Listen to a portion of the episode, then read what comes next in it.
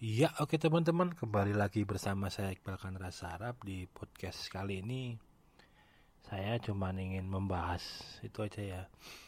Lebih ke membedah dalam sudut pandang saya ya. Gimana cara Deddy Kobusier di YouTube bisa seperti itu ya.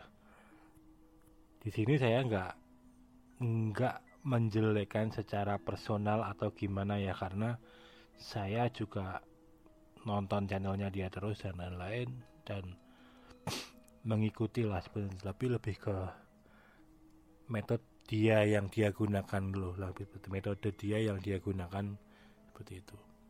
Sebenarnya sih yang digunakan uh, Deddy Kobuser ini nggak jauh-jauh dari model social climber ya sebenarnya ya. Tapi social climber yang emang di sini termasuk metode salah satu buat strategi marketing ya itu untuk untuk meningkatkan engagement dan lain-lain ya. Jadi bukan bukan social climber yang yang atau panjat sosial yang dalam artian negatif atau gimana ya. Jadi kayak awal-awal dia berpindah dari media yang mungkin Twitter atau apa ke Instagram itu kan awal-awal itu kan dia langsung gimana caranya bisa menjadi pembicaraan orang kan. Nah kalau yang saya lihat sih karena saya lumayan ngikutin dari awal dia menggandeng istilahnya belajar atau sok belajar atau gimana ke Reza Arab loh seperti itu.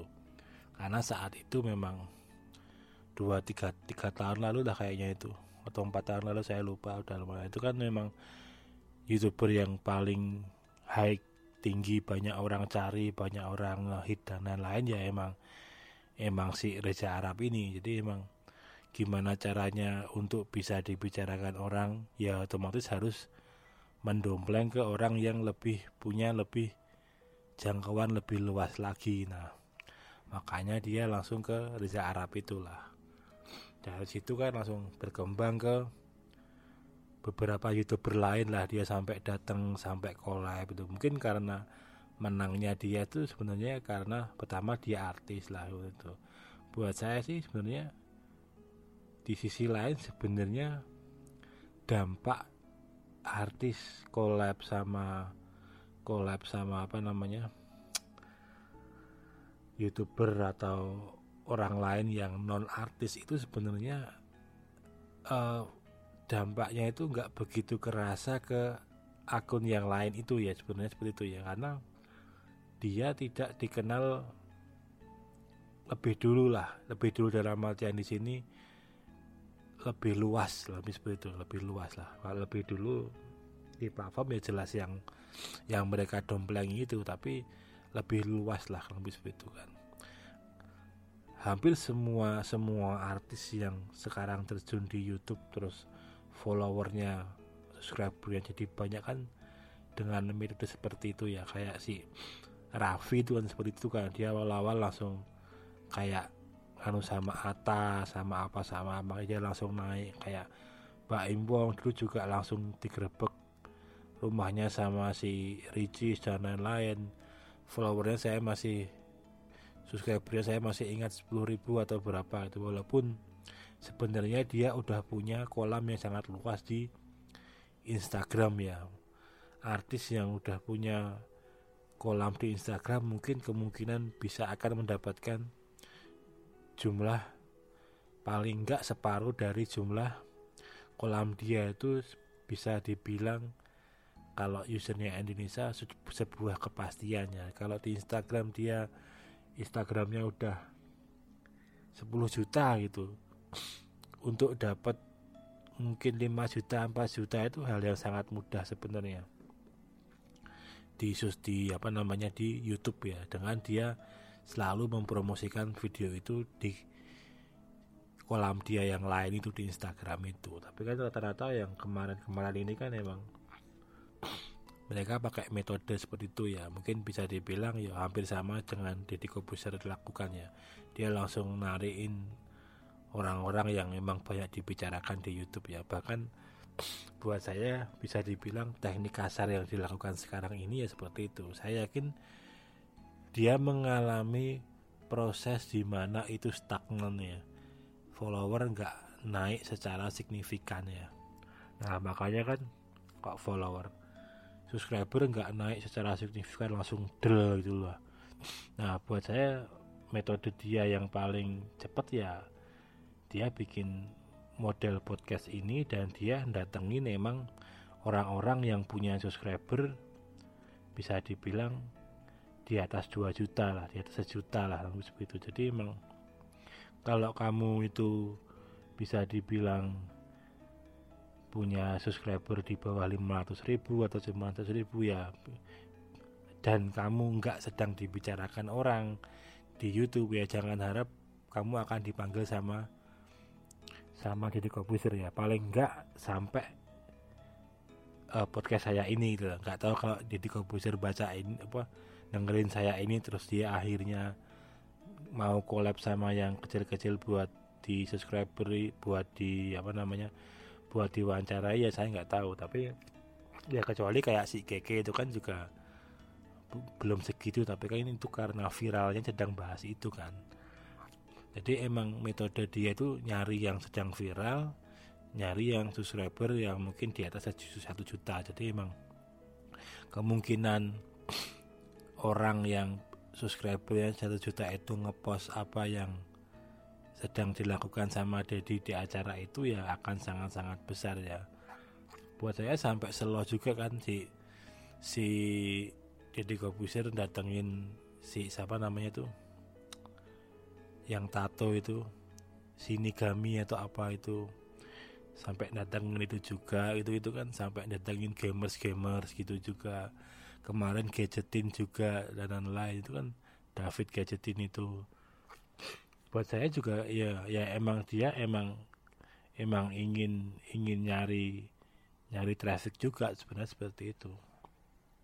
Ya nggak heran sih kalau yang di yang dipanggil memang hanya yang subscriber ya seperti itu seperti itu. Saya yakin sih dengan pembahasan Dedi yang ketika dia membahas tentang apalagi dia udah bikin buku tentang YouTube dan lain-lain dan juga dengan gaya dia berbicara tentang masalah algoritma YouTube dan lain-lain saya yakin dia juga orang yang belajar tentang itu ya. Saya yakin itu. Karena dia dia tahu gimana kalau video dia trending yang ini enggak di privat atau apa videonya enggak akan trending yang satunya karena yang satunya lagi trending.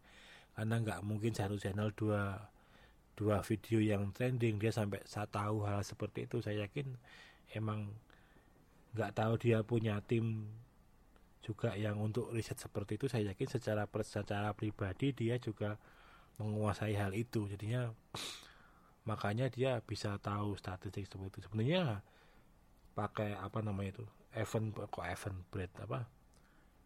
Social brazer atau apalah yang YouTube yang buat statistik itu udah udah kelihatan sih. Top top youtuber Indonesia yang sedang naik yang sedang apa itu ada semua. Data data itu benar-benar udah disuguhkan. Jadi secara secara personal dia enak tinggal ngontakin manajemennya tinggal ngontakin orang-orang yang ada di situlah kurang lebih seperti itu. Buat untuk collab seperti itu. Ya yakin kalau kalau topiknya dia bukan orang-orang yang sedang tren atau atau yang sedang ngehit dan lain-lain juga saya kira nggak akan semasif itu sih uh, viewnya dan lain-lain ya karena memang dia tahu yang sedang tren ini apa emang banyak kan sampai selo kan yang terakhir ini bahas tentang uh, yang BCL itu diet dan lain-lain kolesterol dan lain-lain sampai seperti itu. Bahkan ketika era tretan muslim juga manggil itu lebih seperti itu. Yang kelihatan kan keke itu juga udah manggil dan lain-lain.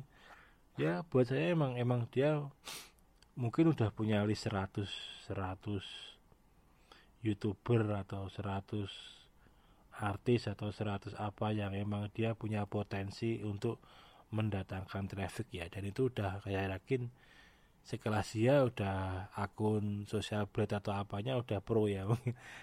Nggak mungkin pakai yang gratisan ya. Dan untuk lihat data itulah. Karena data yang disuguhkan itu juga real time dan udah bisa dipastikan loh ketika kita manggil orang itu ya otomatis trafficnya akan kedongkrak ya. Tapi mungkin untuk subscriber dan lain-lain emang nggak nggak akan begitu signifikan langsung naik dan lain-lainnya. Justru malah justru malah kalau di luar itu yang akan naik. Karena sangat kecil kemungkinan kalau itu sebuah artis yang di YouTube atau apa fansnya juga mau subscribe ke ke akun yang buat diajak walaupun ada kemungkinan kecil ya kalau itu sama sesama youtuber itu akan sangat-sangat sangat-sangat memungkinkan ya. Tapi kalau itu adalah artis ya sangat kecil kemungkinan buat apalagi artinya udah gede itulah apalagi dan juga kontennya dia signifikan loh. Udah misal ke game ke apa ke apa ke apa itu kan orang-orang yang mungkin nggak akan slow follow seperti itu subscribe seperti itu makanya juga nggak langsung kayak Ata yang bisa naik terus sampai segitulah gitu. tapi untuk view emang gede karena sebenarnya yang dibutuhkan oleh youtuber sekarang itu sebenarnya nggak melulu subscriber ya karena subscriber pun harus di filter dengan lonceng dan lain-lain ya karena apa punya subscriber tapi kan subscribernya juga follow banyak orang lain.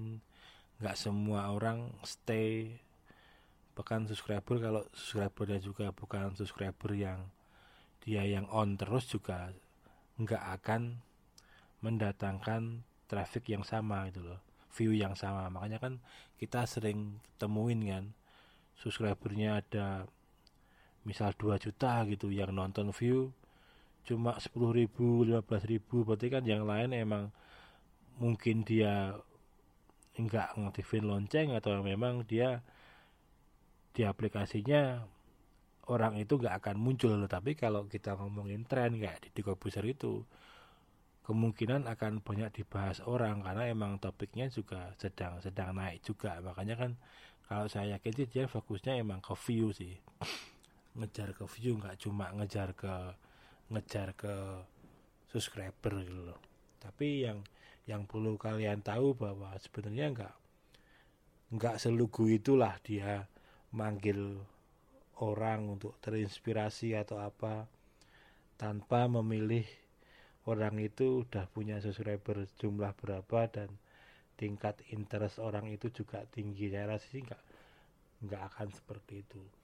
Bahkan sekelas hitam putih pun sebenarnya juga nggak akan nggak akan melulu apa namanya nggak akan maksudnya gini nggak akan sepolos mengundang orang untuk mendapatkan inspirasi dan lain-lain lah. Ya karena orang itu sedang banyak dibicarakan. Makanya semoga orang yang dibicarakan dan punya prestasi itu mendatangkan uh, rating atau view di channel uh, hitam putih yang onlinenya juga banyak kan kurang lebih seperti itu. Jadi enggak buat saya kalau ngomongin inspirasi dan lain-lain untuk saat ini omong kosong lah ibaratnya kalau masih ngomongin topiknya tentang tren gitu loh. Ya pure traffic sih saya kira sih hanya itu sebuah bungkus saja. Tapi nggak salah metode seperti itu emang itu salah satu metode marketing yang yang yang banyak orang lakukan di mana pun gitu loh. Oke teman-teman kembali di podcast podcast saya selanjutnya.